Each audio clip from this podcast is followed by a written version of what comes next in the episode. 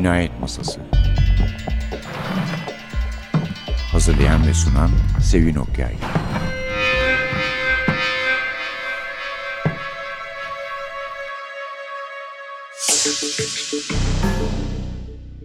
Merhaba, NTV Radyo'nun Cinayet Masası programına hoş geldiniz.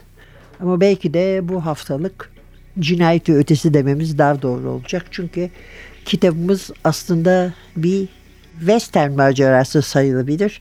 Ama iki kahramanı kiralık katiller olduğu için doğrudan cinayete de dahil olduğunu düşünüyoruz. Efendim o kadar güzel bir kitap ki yani ben o kadar sevdim ki doğrusu dışarıda bırakmayı içime el vermedi. Patrick DeWitt'ten 2011 Man Booker ödülü finalisti Sisters kardeşler. Bunun tabii İngilizcesi çok daha hoş oluyor. The Sisters Brothers yani hemşire biraderler gibi bir şey oluyor.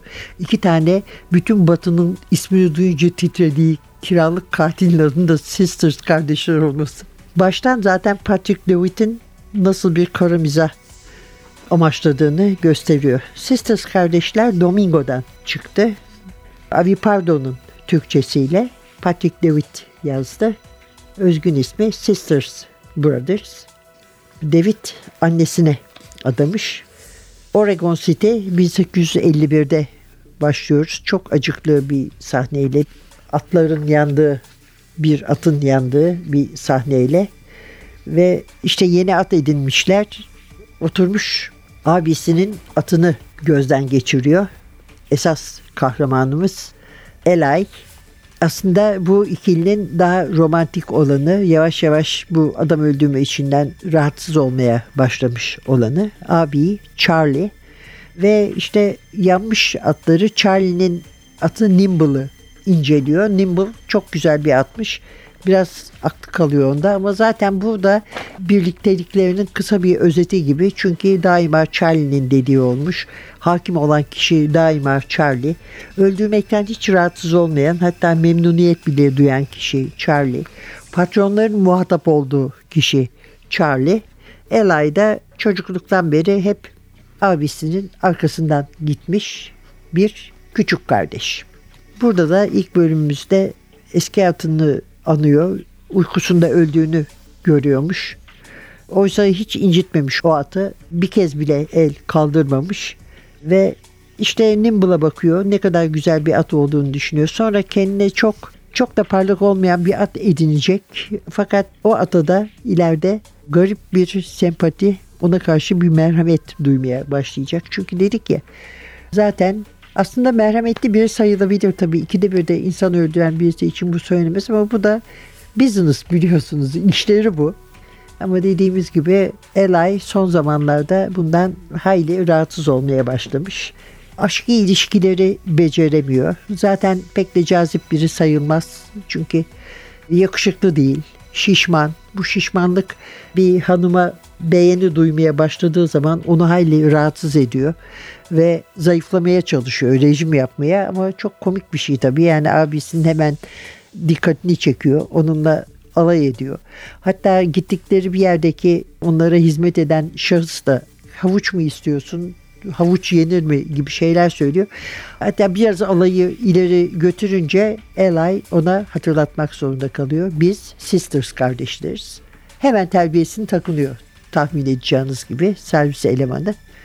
Böyle bir ikirciklenme, tereddüt, şüphe içinde Eli aslında Eli'de benim en hoşuma giden şeylerden biri de kitabın film haklarını çok sevdiğim bir aktörün John C. Reilly'nin kendi şirketi için almış olması ve Eli'yi oynamayı düşünmesi.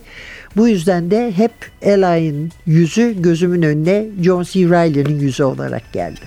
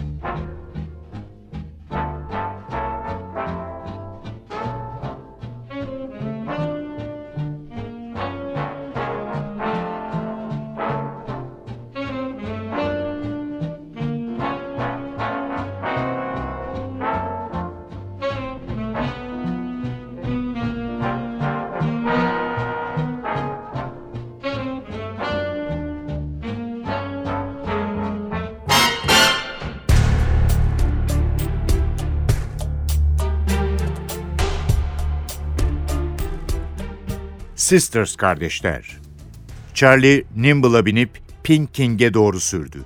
Oregon City'ye son ziyaretimizden bu yana sadece iki ay geçmiş olmasına rağmen ana caddede beş yeni iş yeri saydım ve hepsinin işleri tıkırında görünüyordu. Charlie'ye yaratıcı bir tür dedim. Karşılık vermedi. King'in arka tarafında bir masaya oturduk. Her zamanki şişemizden getirdiler. İki de bardak. Charlie bana bir içki koydu. Oysa genellikle kendi içkilerimizi koyarız. Bu yüzden kendimi kötü habere hazırladım. Geldi, nitekim bu işte lider ben olacağım Ellie. Kim diyor? Commodore diyor. Brandim'den bir yudum aldım. Ne anlama geliyor? Benim dediğim olur anlamına geliyor. Para açısından ne anlama geliyor? Bana daha fazla. Benim alacağım parayı kastediyorum. Eskisi gibi mi? Daha az. Bunun ardındaki mantığı anlamakta zorlanıyorum. Commodore son işte bir lider olmuş olsaydı bütün o sorunlar yaşanmazdı diye düşünüyor. Mantıksız. Var bir mantığı. Bana bir içki daha koydu. İçtim. Charlie'ye olduğu kadar kendime de bir lider için fazla para ödemek istiyorsa bana göre hava hoş dedim. Fakat altındaki adamın parasını kesmek iş için iyi değil. Onun hesabına çalışırken bacağımdan yara aldım ve atım yanarak öldü. Benim atım da yanarak öldü. Commodore bize yeni atlar satın aldı. Bu iş için iyi değil. Ayrıca sakatmışım gibi bana içki koyup durma. Şişeyi ondan uzaklaştırıp işin ayrıntılarını sordum. Kaliforniya'da Herman Kermit Worm adında bir maden arayıcısını bulup öldürecektik. Charlie ceketinin cebinden bir mektup çıkardı. Commodore'un keşif erinden geliyordu.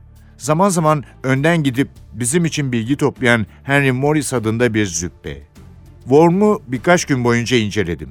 Alışkanlıklarına ve kişiliğine dair şu bilgileri verebilirim. Yalnız bir duası var. Fakat zamanının büyük kısmını San Francisco barlarında bilim ve matematik kitapları okuyarak ve sayfa kenarlarına bir şeyler çizerek geçirir. Bu ciltleri bağlayıp okul çocuğu gibi yanında taşır. Bu yüzden alay konusu olur. Kısa boyludur. Bu da gülünçlüğünü daha da arttırır. Fakat boyuyla alay edilmesinden hiç haz etmez. Bu konuda dikkatli olmakta yarar var. Birkaç kez dövüştüğüne tanık oldum. Genellikle kaybetmekle birlikte hasımlarının onunla bir daha dövüşmek isteyeceklerini sanmıyorum. Isırmaktan çekinmez örneğin.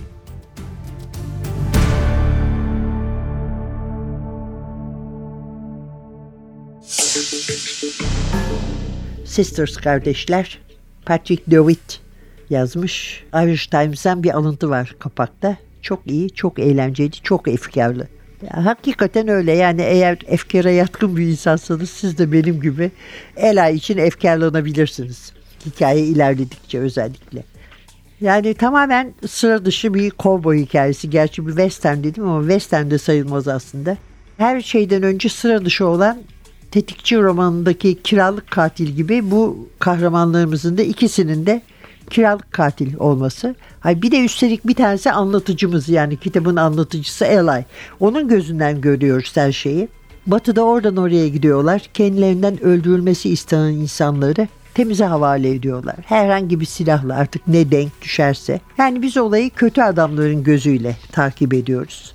Kitabın başında abinin adı Nimble'ı incelediğini söylemiştim Eli'ın. Sonra başını kaldırıyor ve abinin camdan ona işaret ettiğini görüyor. Abisi Charlie o sırada Commodore denen ismiyle müsemma bir patronla görüşme yapıyor. Yeni bir iş için görüşüyorlar. Eli de dışarıda bekliyor. Charlie beş parmağını havaya kaldırmış üst kat penceresinden ona bakıyor.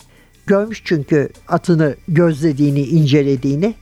Eli ona kendi atı memnun kalmadığı atı tabı satıp bedelini yarı yarıya ödeyerek yeni bir at alalım deyince tamam demiş adi bir teklif ama yeni iş tamamlanıncaya kadar bekle. Yeni işte şöyle Commodore onlardan Herman Kermit Worm adlı birini öldürmelerini istemiş. Bu Worm sözde Commodore'a ait bir şeyi çalmış. Bir sırrı varmış üstelik ve yola düşüyorlar. Yalnız burada bir tatsız durum oluyor. Yani Eli için tatsız bir durum. Charlie ona diyor ki Commodore lider sen ol demiş. İşin başında sen ol. Ve işte kardeşin sana tabi olsun. Sen daha fazla para al. hiç memnun kalmıyor bundan. Bu onu çok rahatsız ediyor. Aslında zaman zaman yufkalaşan yüreğine rağmen e, öfke nöbetleri de var Eli'nin. Yani artık Allah vergisi mi yoksa katillikten gelen bir öldürme alışkanlığından mı doğuyor bilemiyorum. Bu da öfkelendiği anlardan bir tanesi ama abine karşı boynu her zaman kıldan ince. Oregon City'den yola koyuluyorlar. Ama bu sefer farklı bir yere gidiyorlar. Kaliforniya'ya. Neden farklı Kaliforniya? Çünkü altına hücum dönemi. Zaten Patrick Dewitt bu kitabın esin kaynağını öyle bulmuş. Böyle bir garaj satışı gibi bir satışta The 49ers diye Time Life'ın Old West dizisinden bir kitap bulmuş. 19. yüzyıl ortalarında işte altın peşinde, servet peşinde Kaliforniya'ya giden erkekler, kadınlar ve çocukların hikayesini anlatıyormuş. Yani çok da iyi yazılmış bir kitap değilmiş ama karakterler, imajlar kafasında kalmış David'in. Unutamamış uzun süre onları. Altına hücumdan muhtelif tablolar. 25 sente almış kitabı. O sırada da ikinci romanı üzerinde çalışmaya başlıyormuş. Ama anlaşılan bundan çok etkilenmiş ki ikinci romanı Sisters Brothers olmuş.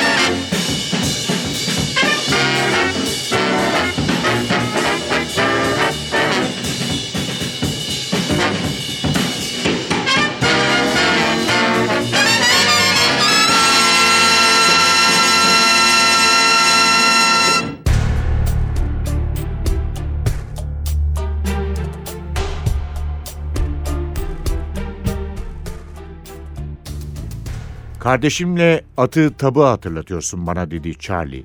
Sonra bana döndü. Siz ikiniz birleşip bir dernek falan kurmalısınız. O zamanlar hangi yöne gittiler diye sordum oğlana. Geri zekalı canavarların koruyucuları dedi Charlie. Oğlan Mayfield'e dönmekten söz ettiklerini hatırlıyorum dedi. Bir kasaba mı Mayfield? Babam orada mı acaba? Mayfield bu yörenin ağası diye izah ettim. Charlie'ye altın arayıcısının ayının postuna 100 dolar ödül konduğunu söylediğini aktararak. Charlie bir canavarın postuna o kadar para ödemek için budalı olmak gerektiğini söyledi. Yüzündeki ve saçındaki kanı yıkamakta olan oğlan, 100 doların ona hayatı boyunca ihtiyaç duyacağı her şeyi satın almaya yeteceğini söyledi. Suyun öte yanındaki kampı işaret edip ona ateşten yararlanabileceğini ve bir süre orada kalabileceğini söyledim. Buna şaşırdı. Sizinle gelirim diye düşünmüştüm. Yo hayır dedi Charlie. Bir süre için eğlenceliydi ama buraya kadar. Geçidi açtığımıza göre şanslı Paul size neye muktedir olduğunu gösterecek. Daha önce de tepeleri örümcek gibi tırmandığını söylemiştim. Düzlükte yağ gibi akar. Hayır hayır hayır dedi Charlie. Oğlan bana üzgün bir bakış attı. Fakat ona kendi başının çaresine bakması gerektiğini söyledim. Ağlamaya başlayınca Charlie ona vurmaya kalktı. Abimi tutup çektim ve toplanmak üzere çadıra doğru yürüdü. O oğlanda ne vardı bilmiyorum ama ona bakarken benim bile içimden başına bir tane indirmek geliyordu. Şiddeti davet eden bir başı vardı. Şimdi iştenlikle ağlıyor, burun deliklerinden sümüğü akıyordu. Sağ burun deliğindeki baloncuk patlar patlamaz sol burun deliğinde bir baloncuk beliriyordu. Çocuklara bakacak durumda olmadığımızı, hızlı ve tehlikeli bir yolculuk yapmamız gerektiğini izah ettim. Yararsız bir konuşmaydı muhtemelen. Oğlan kendini üzüntüsüne o denli kaptırmıştı ki sözlerimi duyduğunu sanmıyorum. Sonunda zırlamayı kesmediği takdirde canını yakacağım korkusuyla onu suyun öte yanındaki altın arayıcısının çadırına götürdüm. Eğer çantamdan tütün kesesini çıkardım. Altını göstererek bu eve ve yavukluna dönmeni sağlar. Yeter ki başına daha fazla darbe alma dedim. Şu rafta at eti var. Bu gece için kendini ve şanslı Pol'ü doyurmanı öğütlerim. Şafak'la birlikte dönüş yoluna koyulmanı istiyorum. Geldiğin yoldan geri dön.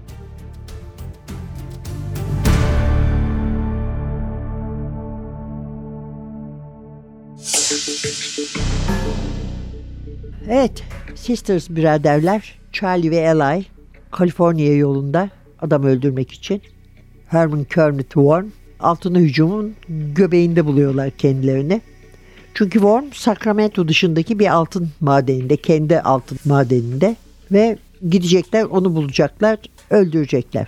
Dediğimiz gibi anlatıcımız Eli. Bu da insanın hayli dengesini bozuyor. Çünkü ister istemez sempati duyuyoruz. Yani insan zaten anlatıcıya karşı böyle bir sempati duyma eğilimli olur. Ne de olsa kendini mazur da gösterebiliyor. Böyle bir imkanı da var anlatıcının.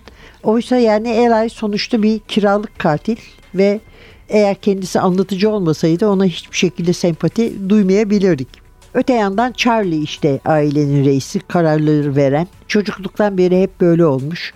Bunları ve annelerini çok hırpalayan alkolik babalarını öldüren de o vaktinde aile adına bir girişimde bulunan, tedbir alan diyelim.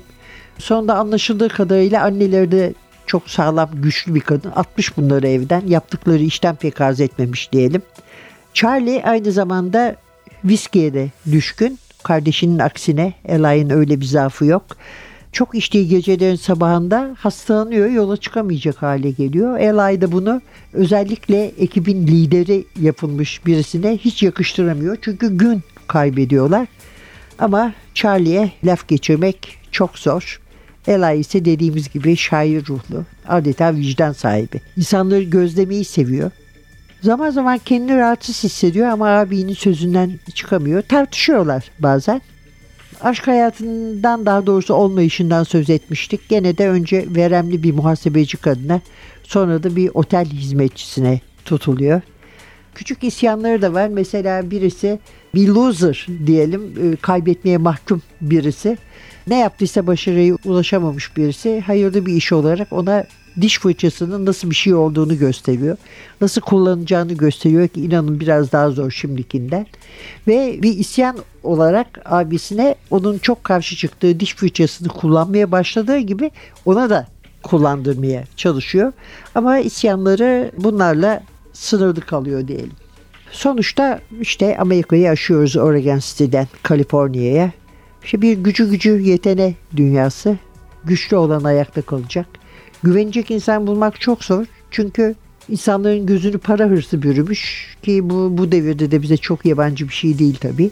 Yani e, altın uğruna yapamayacakları yok, satmayacakları insan hatta öldürmeyecekleri insan yok onların da. Ve yani Patrick Dewitt kitabıyla klasik western'a bir selam yollamış ama kötü adamların tarafından bakarak gönderilen bir selam bu. Tarihi ayrıntılar konusunda son derece hassas olmadığı söyleniyordu bir iki eleştiride. Aslında hiç gerek de yok. Zaten westernlerin gerçeğe yakın olmadığını anlamak için Kızılderili gerçeğine, Amerikan yerlisi gerçeğine bakmak yeter. Ama dediğimiz gibi insanlar bildiğimiz insanlar o günden bu yana pek farklılık göstermemişler maddiyatı düşkünlük açısından.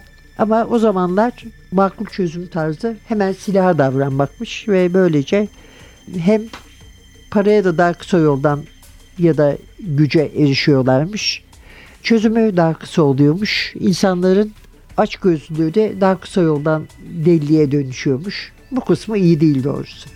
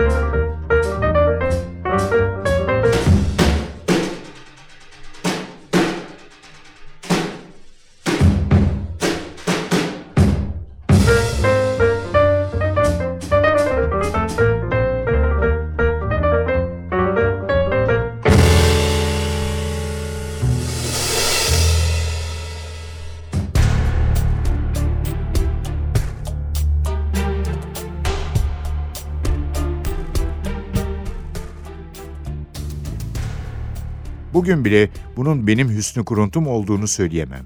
Bu yüzden bir bahar sabahı eşyalarını toplayıp veda bile etmeden gittiğinde mutsuz olduğum pek söylenemezdi.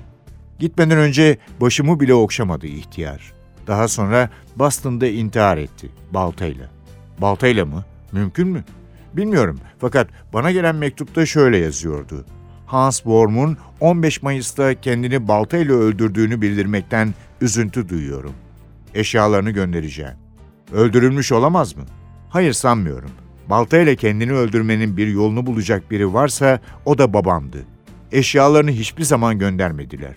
Son yıllarında nelere tutunduğunu merak etmişimdir. Baban seni terk ettikten sonra ne yaptın? İki hafta barakamızda tek başıma kaldıktan sonra annem geldi. Kapının eşiğinde duruyordu.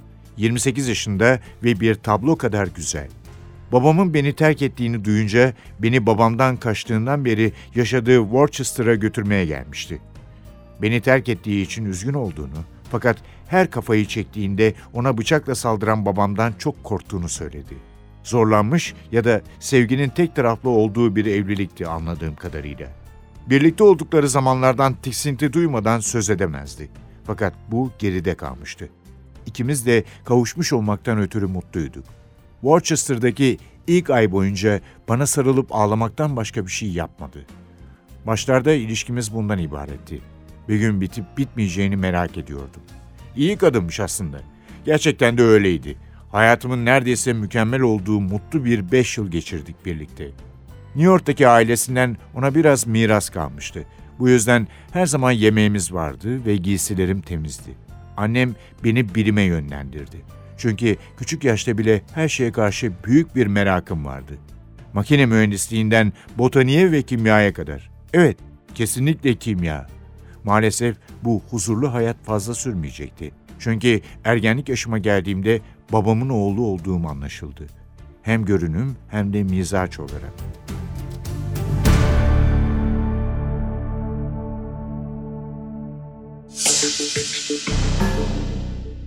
Sisters Kardeşler. Patrick Dewitt'in kitabı gerçekten benim çok sevdiğim bir kitap.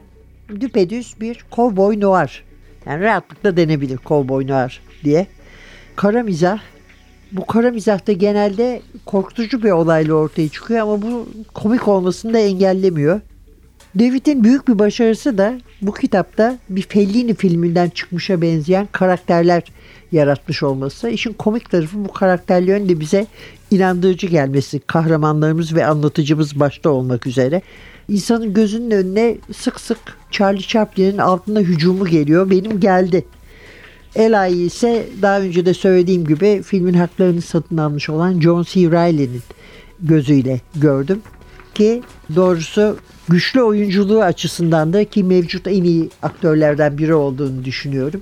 Fiziki yatkınlığı açısından da John C. Reilly'nin Eli'yi oynayacaklar arasında doğrusu başı çektiği söylenebilir. Efendim dediğimiz gibi Patrick David bu kitabı bir satışta bulmuş. 25 sente almış. Bu kitabı dediğim bu kitaba esin kaynağı olan kitabı anlamına The 49ers'ı. O sırada ikinci kitabı üzerinde çalışıyormuş. Birkaç yıl önce de defterine hassas kovboy diye bir iki kelime yazmış öylece. Bu fikir sonunda onun iki yasa dışı şahıs arasında böyle birbirlerine laf sokan bir muhavere yazmasına yol açmış. Ama orada da kalmış, ileride gitmemiş. Yeni kitaba başlayacağı zaman bilgisayarında bu sahneyi bulunca yani çok hoşuna gitmiş. Oradan devam etmeye karar vermiş. Tam o sırada da işte The 49ers'ı bulmuş zaten. Böylece romanını Amerikan tarihinin hangi döneminde geçireceğini karar vermiş. Bugün de değil altına hücum devrinde. Kitaba biraz hasar vermiş doğrusu. Resimleri varmış. Resimleri masasının üstüne asmış görebilmek için hep ve yazmaya başlamış. Ve birkaç ayda da bu iki kovboy Charlie ve Eli Sisters, Sisters kardeşler ortaya çıkmışlar. Önce kardeş olmalarını düşünmüş. Ondan sonra da işte Batı'nın meşhur katilleri, adını duyanları titreten iki katil Sisters Brothers, Sisters kardeşler olmalarını. Dediğimiz gibi bu aslında kovboy romanına pek benzemeyen bir kovboy romanı. Ama tabii ki Jesse James gibi karakterler de daima vardı kovboy romanlarında.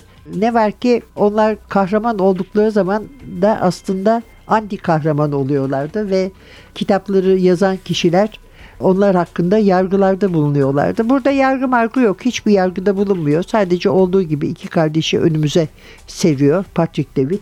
Ve biz de onların maceralarını bazen dehşet duyarak, bazen gülerek, bazen de hakikaten bir yufka yürek durumu doğarak izliyoruz. Ben şahsen gerçekten sevdim. Onun için size bir cinayet ve ötesi haftası yapayım dedim. Hem yazın yazdayız yani. Her şey makul karşılanır değil mi bu durumda? Evet efendim kitabımız Domingo'dan çıktı. Avi Pardo çevirdi. Sisters kardeşler. Patrick Levitt'in çok iyi, çok eğlenceli, çok efkarlı.